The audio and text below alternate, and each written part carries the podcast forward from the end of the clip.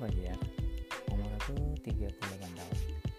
Saat ini aku bekerja di sebuah perusahaan kecil sebagai business developer. Karena aku bekerja di bidang tersebut, aku harus menyesuaikan diri dengan beberapa kalangan, baik dari sisi umur, lifestyle, dan lain-lain. Mungkin podcast-podcast aku ke depannya ini akan membahas tentang pengembangan-pengembangan, baik dari pengembangan bisnis, pengembangan stay tune guys.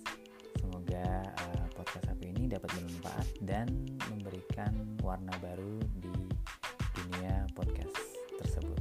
Terima kasih.